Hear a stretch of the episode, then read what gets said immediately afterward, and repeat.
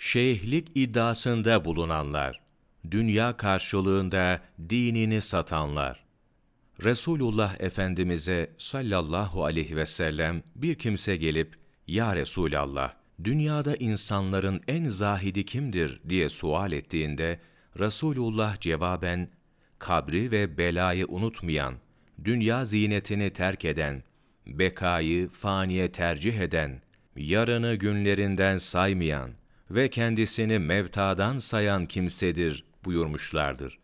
Hadis-i şerifte varid olmuştur ki, bir an evvel amellerinize davranınız. Çünkü önünüzde karanlık gecelerden kopmuş parçalar gibi fitneler vardır ki, Ademoğlu, öyle fitneler hengamında dinini azıcık bir dünyalık mukabilinde satar da, mümin olarak sabahlamışken, kafir olarak akşamlar, mümin olarak akşamlamışken, kafir olarak sabahlar.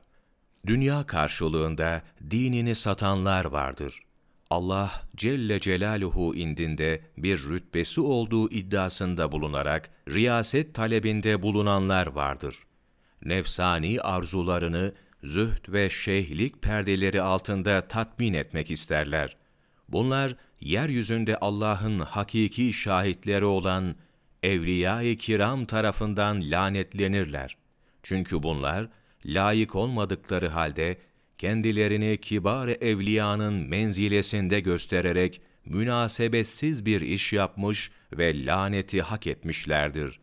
Bu müddetlerin efsafı cümlesinden olarak niceleri şeyhlik iddiasında bulunmak suretiyle Cenab-ı Hakk'ın taliplerini kendilerine davet etmek suretiyle onların Allahu Teala'ya giden yollarını keserler. Hakikaten Allah'a davet eden ve sahibi velayet bulunan ehli hakkın eteklerine yapışmaktan da halkı men ederler.